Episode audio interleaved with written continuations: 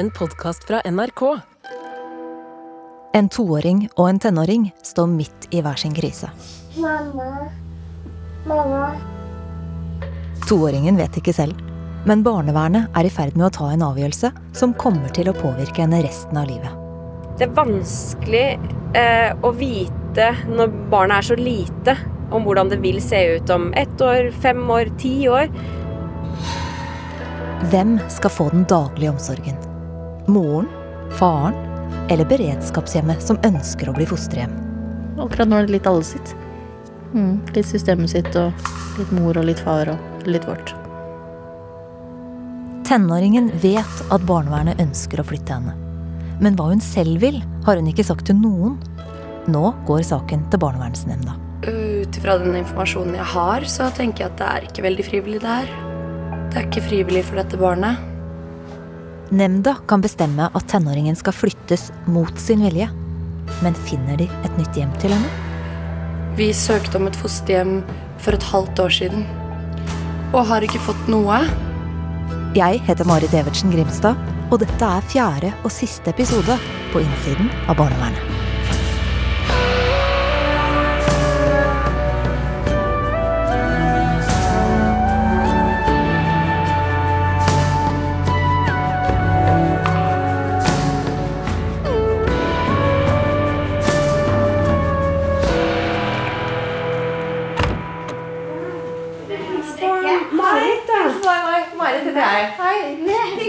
I en lys og romslig kjellerleilighet ikke så langt fra beredskapshjemmet som passer på datteren, bor mammaen til toåringen. Her bor hun nesten alene. Vil dere ha noe å drikke? Jeg har veldig masse kald cola. Oi, det hørtes veldig deilig ut. Jeg også tok med en cola, men da kan du sette den i Fanta. Nå har hun samvær med datteren sin én time én gang i uka hos beredskapshjemmet. Eh, Jeg så henne i går, faktisk. Og da hadde hun en veldig fin eh, hårstil.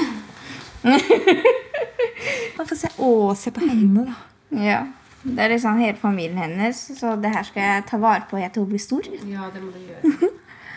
Marte er her for å finne ut hvordan hun har det nå, og hva hun som mamma tenker om sin egen rolle i datterens liv. Nå står det at frivillig plassert av deg i det beredskapshjemmet. Og så har vi jo snakka om, om å omgjøre beredskapshjem til fosterhjem. Ja. Eh, og du har jo sagt mange ganger til meg at det er det du vil. Ja. Og så har jeg vært litt sånn Ja, må vi vente litt og se Ikke sant? hvordan det blir med deg? Og, og hvordan Hva tenker du om det nå? Jeg tenker at det er best for henne å være der, for jeg ser sjøl at jeg klarer ikke å ta vare på meg sjøl engang, nesten. Og det har jeg sagt til deg mange ganger. og Jeg kan ikke si det, hvor klok du er. Som klarer å sette hennes behov først. Jeg veit jo at du elsker henne, og at du vil alt det beste for henne. Og at det er nettopp derfor du mm. tar det valget, da. Yeah. Jeg lurer på hvordan det er å ha overlatt barnet sitt til barnevernet. Så jeg har lyst til å snakke med henne alene. Jeg kan gjerne sitte litt i sola, jeg. Det er stoler der ute òg. Ja, da, men da setter jeg meg og tar med Fantaen min ut, jeg, da. I- og- På førsten så var jeg litt sånn nervøs med å få i barnevern da jeg fikk barn. Men etter hvert, så da jeg snakker med barnevernet, så er jeg mer åpen. fordi de er ikke der for å ta barnet ditt. Det er mange som tenker på, De har liksom etterlatt barnet til barnevernet, så tenker de at de er en dårlig forelder. Det burde man ikke tenke på, fordi man vil det beste for barnet sitt. Fordi hvis du skal bare liksom holde barnet ditt tilbake til deg, så kommer barnet til å bare tenke at ah, det mamma og pappa gjør, er greit. Men egentlig så er det ikke det. Ikke før de begynner å bli voksne og kan tenke på det sjøl. Og da begynner de bare å klandre foreldrene, sånn som jeg gjør. Hun snakker av erfaring. Da hun var liten, ble hun selv sendt til et beredskapshjem fordi hun ikke hadde det godt nok hjemme. Hun skulle ønske hun kunne blitt der, i stedet for å bli sendt tilbake til sine egne foreldre. Der har jeg liksom levd veldig strevsomt og ikke fått den kjærligheten jeg trenger. Da. Jeg har opplevd vold i hele mitt liv, kan man si sånn. Så jeg, jeg vil ikke at det samme skal skje med dattera mi. Hvis jeg skal velge for henne nå, så kan hun komme i samme fotspor som meg og slite med de fleste ting som jeg sliter med nå. Da hun rømte fra mannen sin, trodde hun at hun skulle klare å ta vare på datteren sin alene. Det gikk ikke. Hun fikk et sammenbrudd og ba barnevernet ta med seg datteren. Det, det var veldig tungt. Jeg gråt i flere dager. Så tenkte jeg over det, så syntes jeg det var bra gjort at de tok henne fra meg. Fordi jeg var ikke den bra mammaen som jeg trodde jeg var.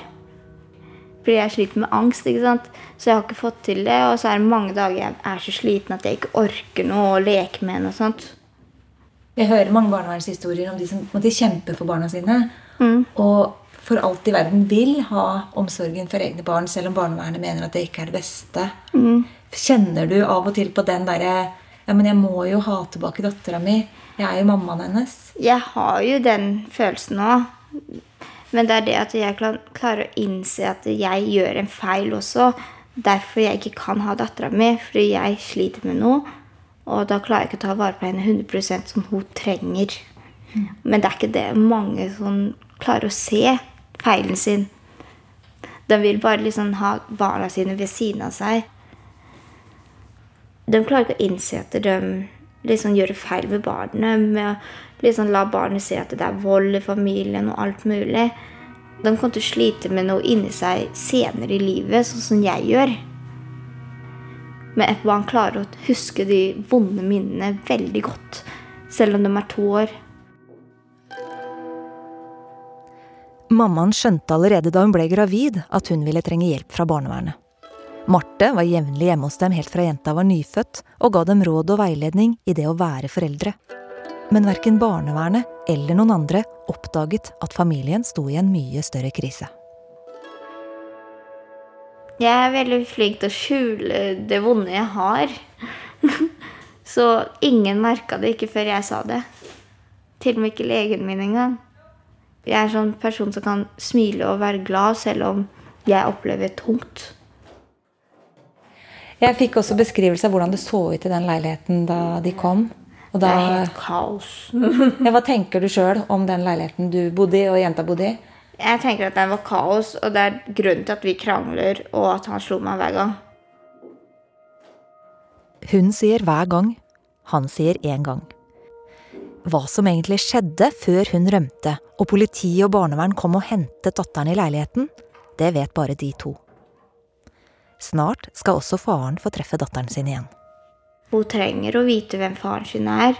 Jeg vil ikke at når hun skal bli eldre, bare sier sånn Hvorfor kan jeg ikke få vite hvem faren min er, og hvem er han? Åssen er han? Hun trenger å ha den pappakjærligheten, hun òg. Jeg kan ikke være sånn ego og ikke la dem møte. Jeg vil liksom være den mammaen som kan være der for henne, men ikke at hun bor hos meg, men at jeg kan fortsatt være der og når hun trenger meg. ikke sant? Når jeg ser meg rundt i leiligheten din, så ser jeg du har jo sånn leketeppe her. Ja. Og leker her. Det er liksom håpet mitt på at hun kanskje kommer hjem en dag. Så at vi kan liksom være sammen 24-7, og at jeg klarer å ta vare på henne og ikke er så sliten hele tiden. Men jeg syns det er veldig fint at hun er der som hun er nå. Liksom Se at hun er glad og vokser og har det gøy der hun er. Det, det varmer hjertet mitt.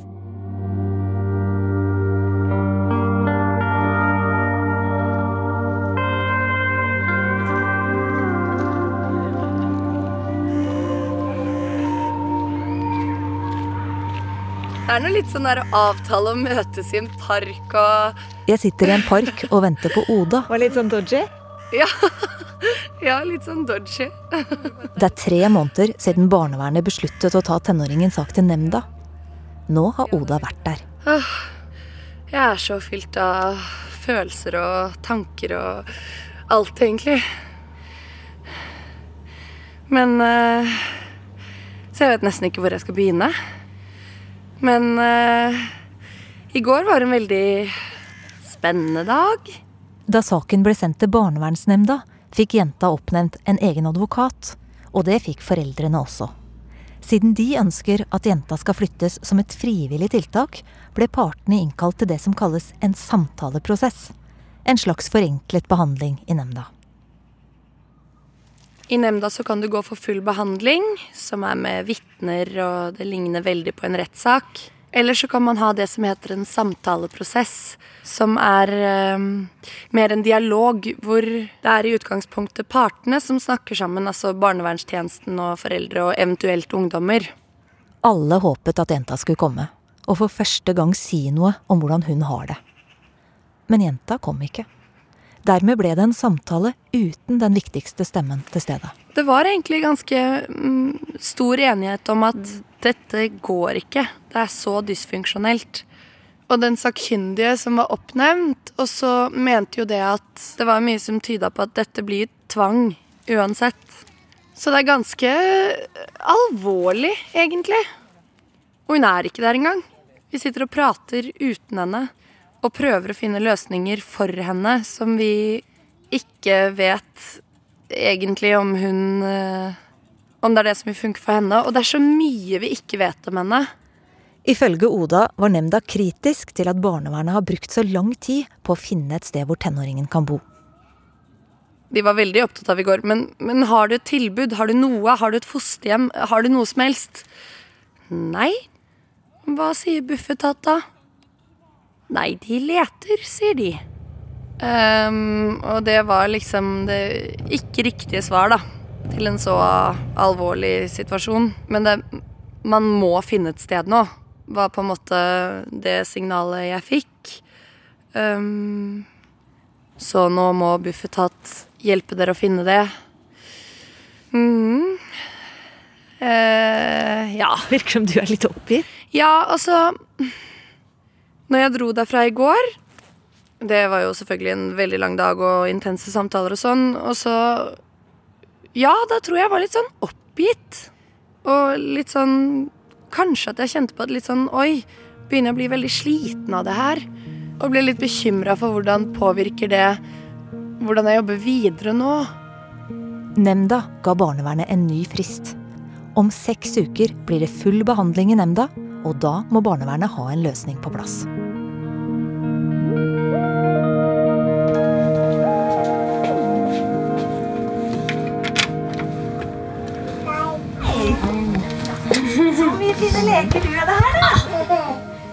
En liten jente med små musefletter tasser rundt på barnevernkontoret. I dag skal toåringen treffe pappaen sin. Møtet skal skje i et rom som er innredet omtrent som en liten leilighet. Med kjøkkenkrok, spisebord, en liten sofa og en stor lekekrok. Dette er samværsrommet. Du er flink. God på å lage mat. Beredskapsmor Anita har tatt med toåringen. Både hun og Marte skal være i rommet under samværet med pappaen. Så ser vi bare på hverandre, og så Mm. blir veldig ubehagelig for deg. liksom. Så må du bare si fra til meg. Samtidig skal jeg sitte i naborommet sammen med Martes kollega. Det er et spesialrom hvor vi kan se og høre alt som skjer. Vi har jo et samværsrom med et sånn speilvindu på tilhørende rom.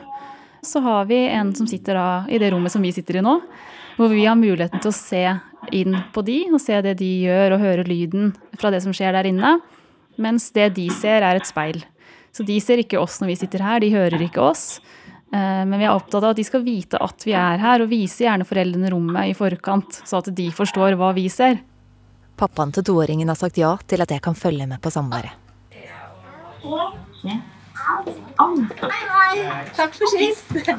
Han får se rommet hvor vi sitter. Så går han inn til toåringen. God.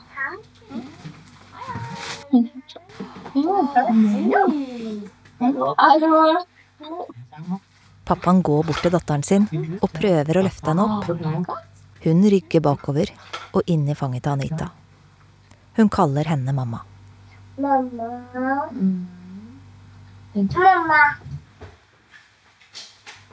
Det er lenge siden hun har sett deg. Ja.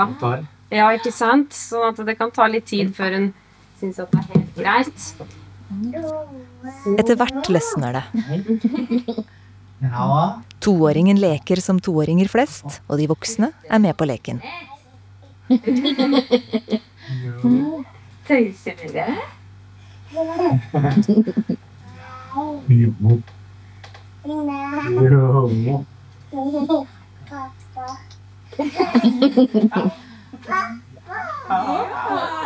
På naborommet sitter Martes kollega og vurderer det hun ser. Hun har kvikna mer til nå, kanskje fortere enn det vi så for oss. Eh, og er jo i fin lek nå bare en ja, 20 minutter ut i samværet. Så er det, er det en ganske godt samspill eh, dem imellom. Og hun utforsker rommet, hun virker trygg på de som er til stede. Så det er jo absolutt noe potensial her for at dette kan være veldig gode samvær for de begge fremover. Da, for vi er jo opptatt av at det også skal være fint for far. Det må jo være en sånn ekstremt rar situasjon for han. Ja. Ja, og når han vet at vi sitter og ser på han her Ja. Han har to stykker som sitter og følger med på alt han gjør inne. Han vet han blir vurdert, observert. Det er jo ubehagelig når du ikke har sett datteren din på så lang tid. Og det er første gang du skal se henne. Masse følelser, spenning. Sikkert vært kjempenervøs. Eh, Så hvis man tenker på Altså fra hans side, da. Å komme inn i det rommet her, og, og han har egentlig bare lyst til å, å ha med datteren sin og finne på noe med henne aleine. Så sitter vi fire voksne rundt og, og ser på det han gjør.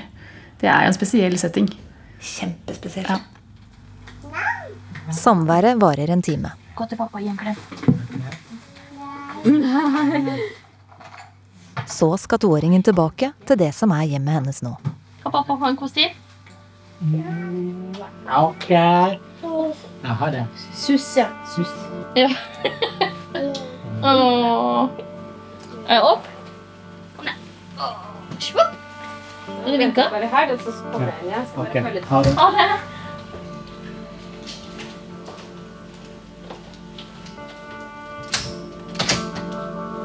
Men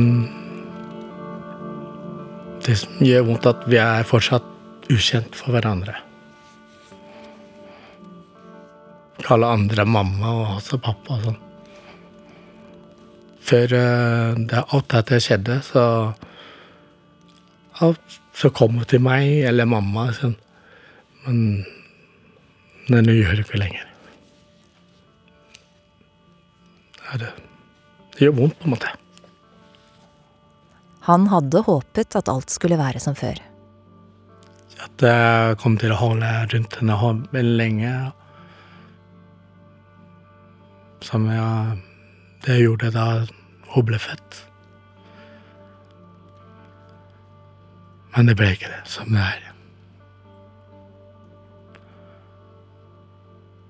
Men hun kalte meg pappa. Det er veldig, veldig godt å høre. Hvordan tror du hun har det nå, datteren din? Hun har- det bra. Eh, men det er bare Jeg er alltid glad i henne. Jeg elsker henne alltid. Så jeg er alltid villig at eh, hun skal komme tilbake.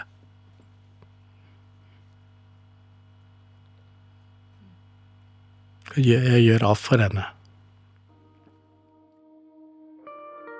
Er du sikker på at du er det beste for barnet ditt? Jeg, jeg sier ikke jeg er den beste, men jeg skal gjøre mitt beste for barnet mitt. Så den beste tør jeg ikke si at jeg er den beste, men jeg skal gjøre mitt beste. Det er det jeg, jeg kan gjøre. Etter at faren har dratt, blir jeg sittende på samværsrommet med Morte. Det er fint. Nå har hun en vanskelig avgjørelse foran seg. Klarer du da å se for deg at den jenta eh, skal kunne komme tilbake og bo med eh, den faren? Jeg ønsker jo å ha tro på at øh, mennesker liksom forandres, kan forandre seg og endre seg. Det ønsker jeg meg. Og det tror jeg man må ha også. At, en tanke om at ting skjer, ting kan forandre seg. Du er ikke alltid en trenger ikke alltid være rusmisbruker, trenger ikke alltid være voldsutøver. Men man må være så trygg på at den endringen er varig. Ikke på en måned på ett år, men på ti år for alltid. Ja, blir man sikker på det, da? Eller det er jo kjempevanskelig. Dette er en pappa som sier at eh, det er alltid best for barnet å være hos mamma eller pappa. Mm. Hva tenker du om det? Vi også setter jo liksom de biologiske prinsipp høyt, men det skal jo ikke gå på bekostning av eh, barnet. Så eh, noen ganger er det ikke best for barn å vokse opp hos mamma og pappa.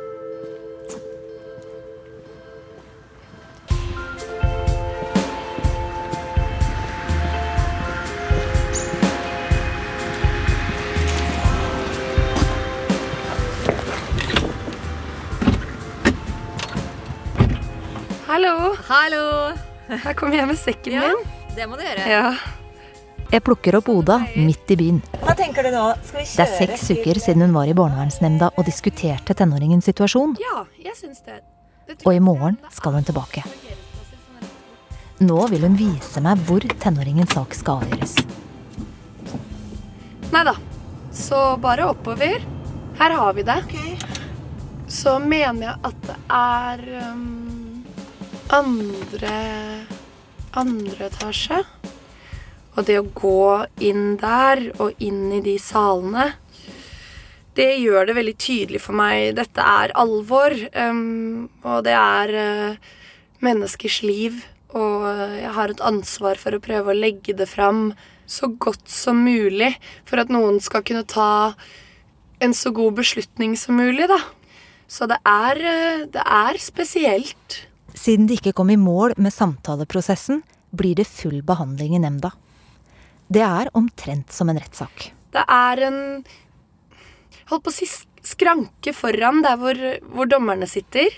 Og det er en som er jurist, og så er det en som er sakkyndig, som har gjerne kompetanse på, på barn. Um, og så er det en lekdommer. Et vanlig medlem, rett og slett? Et vanlig medlem, mann i gata. Um, de tre sitter foran. På den andre siden så sitter partene.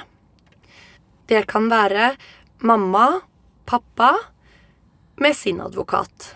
Så potensielt så kan det sitte seks stykker på den andre sida.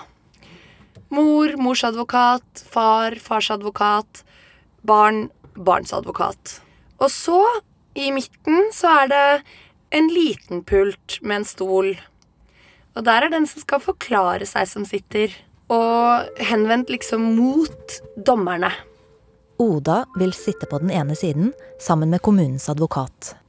De kommer til å legge fram en påstand om at jenta bør flyttes hjemmefra, og at kommunen skal overta omsorgen for henne. Vi skal ha vitner som skal beskrive familien og, og barnet. Og vi skal høre mm, hva partene mener, og hva eventuelt tenåringen mener. Og akkurat når det gjelder den siste, så vet vi jo veldig lite. Men eh, vet du at jenta ikke kommer til å være der i morgen? Eller? Eh, nei, med, med høy sannsynlighet så kommer hun ikke til å være der. Oda har fortsatt ikke snakket med tenåringen. Jenta har tekstet litt med advokaten sin, og da har hun sagt at hun vil bo hjemme. Samtidig har Oda brukt tida på å prøve å finne et fosterhjem til henne.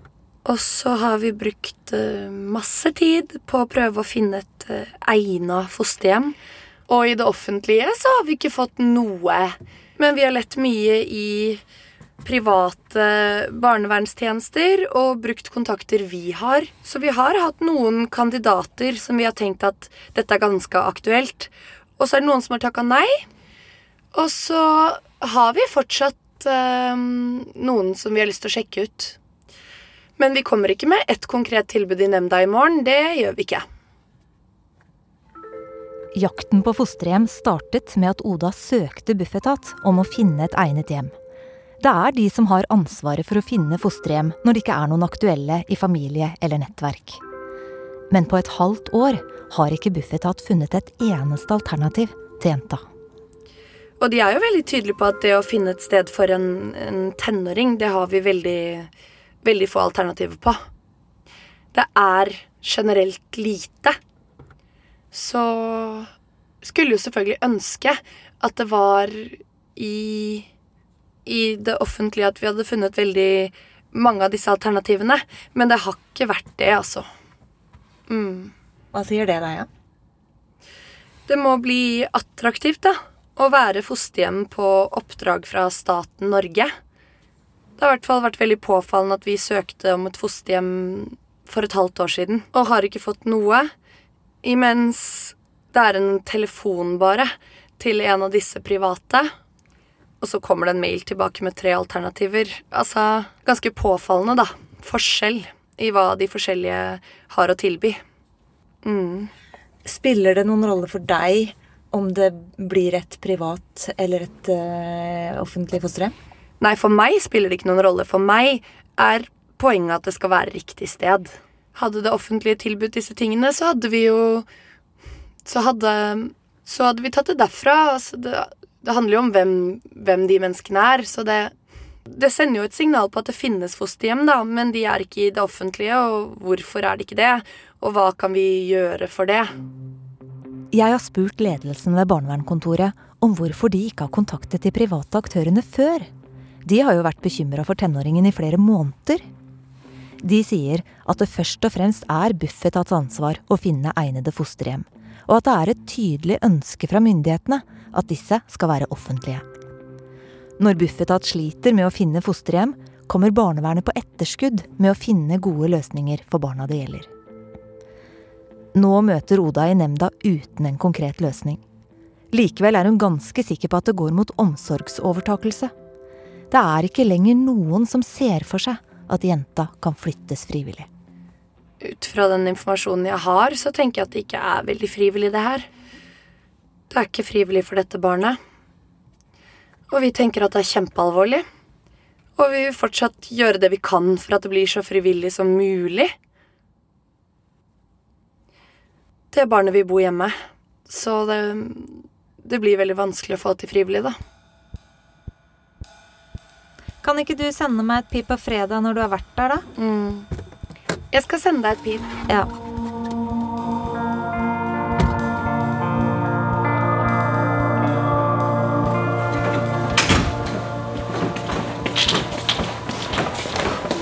Marte tar meg med inn på kontoret sitt for å vise meg noe.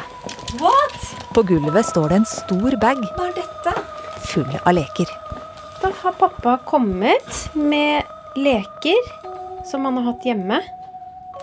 Det er jo en stor pose med kosedyr og dokker. Og så er det leker som henne har hatt hjemme, da. Som han ville at hun eh, skulle ha der hun var nå. For han sa jo 'jeg har jo ikke brukt for det nå'. Og kanskje hun vokser fra det før eh, hun kommer hjem, da. Og han sa han hadde vaska alt sammen. Og så hadde hun bursdag, så han ville levere gave. Og der var det masse klær. Så jeg blir sånn Å, jeg gleder meg til å, å gi det. Fra pappa, liksom. At uh, Ja. Siden forrige samvær har pappaen truffet datteren sin en gang til på kontoret. I starten var han tydelig på at han ville ha tilbake omsorgen. Men nå sier Marte at han har tenkt seg om. Og så sier han at jeg vil helst Jeg tror jeg kan klare det på sikt, men sånn som ting er nå, så har jeg ikke eh, et egnet sted å bo. Jeg har ikke økonomi til å ha henne, og jeg har ikke ressurser til å ta meg av henne og gi henne det hun trenger. Så han har sagt at eh, han gjerne vil ha henne tilbake, men han skjønner at det ikke kan bli nå. Nå har begge foreldrene samtykket til at barnevernet overtar omsorgen. Det betyr at Anita går fra å være beredskapsmor til fostermor, og at jenta blir der hun er. Øverst hos meg så står jo at hun her jenta har det kjempebra nå. Hun har fått en god tilknytning til det her beredskapshjemmet. Hun blir godt ivaretatt. Og så er det også positivt at foreldrene ser det. Ja, de ser at det beste for henne er å være der nå. Nå skal toåringen bo i fosterhjemmet minst ett år. Etter det kan foreldrene be om at saken vurderes på nytt. Samtidig har barnevernet plikt til å jevnlig vurdere om jenta kan flytte tilbake til en av foreldrene. Men inntil videre er Marte fornøyd med at jenta får ro. Jeg skjønner jo at man på død og liv vil ha tilbake unga sine. Men det at han har gått fra å ikke se seg sjøl til å faktisk innse at jeg må endre på noen ting ved meg selv for å kunne gi jenta den beste oppveksten, eller det hun trenger. Det er jo det som gjør noe med meg, da. At øh, ja. At man klarer å sette sitt eget barn foran sine egne behov. Det er fint. Det er kjempefint.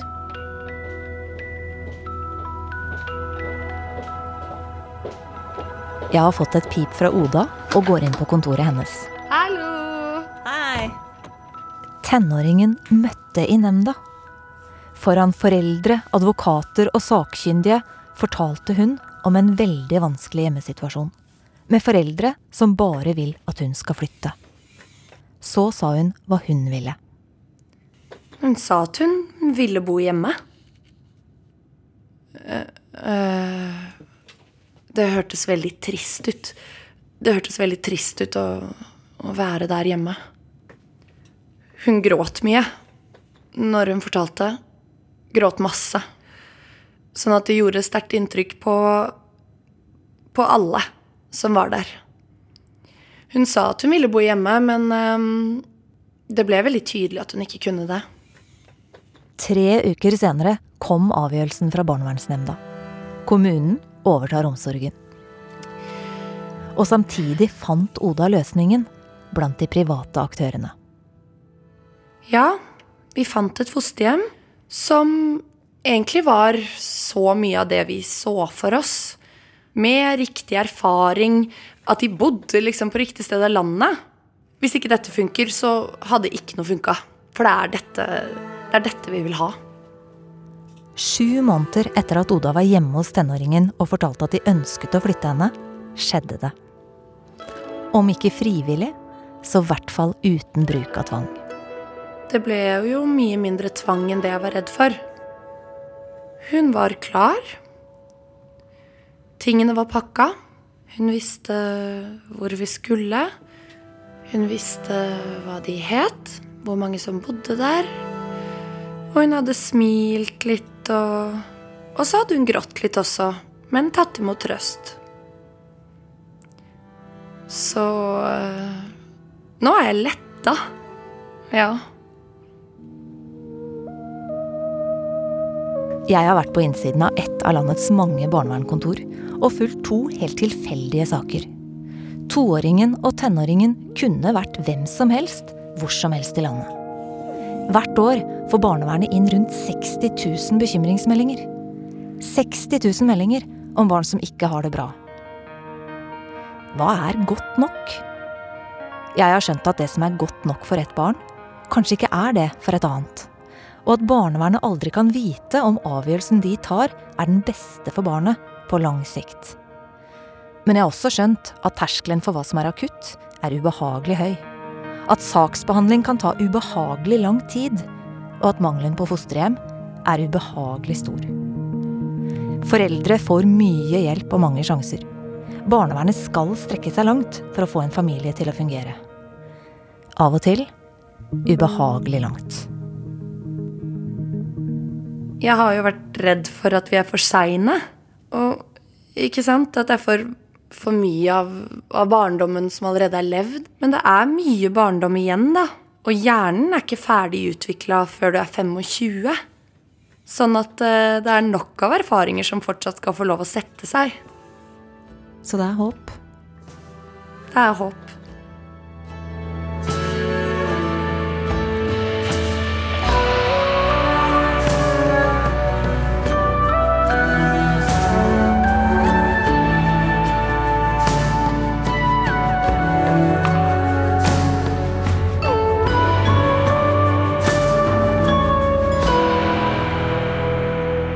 Dette var fjerde og siste episode på innsiden av barnevernet.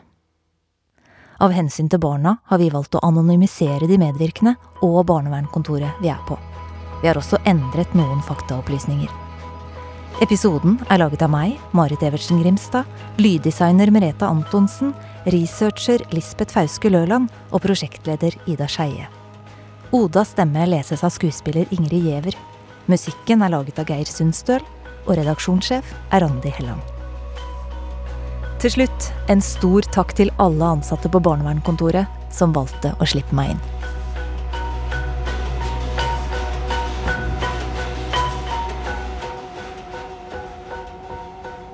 Du har hørt en podkast fra NRK. Hør alle episodene kun i appen NRK Radio.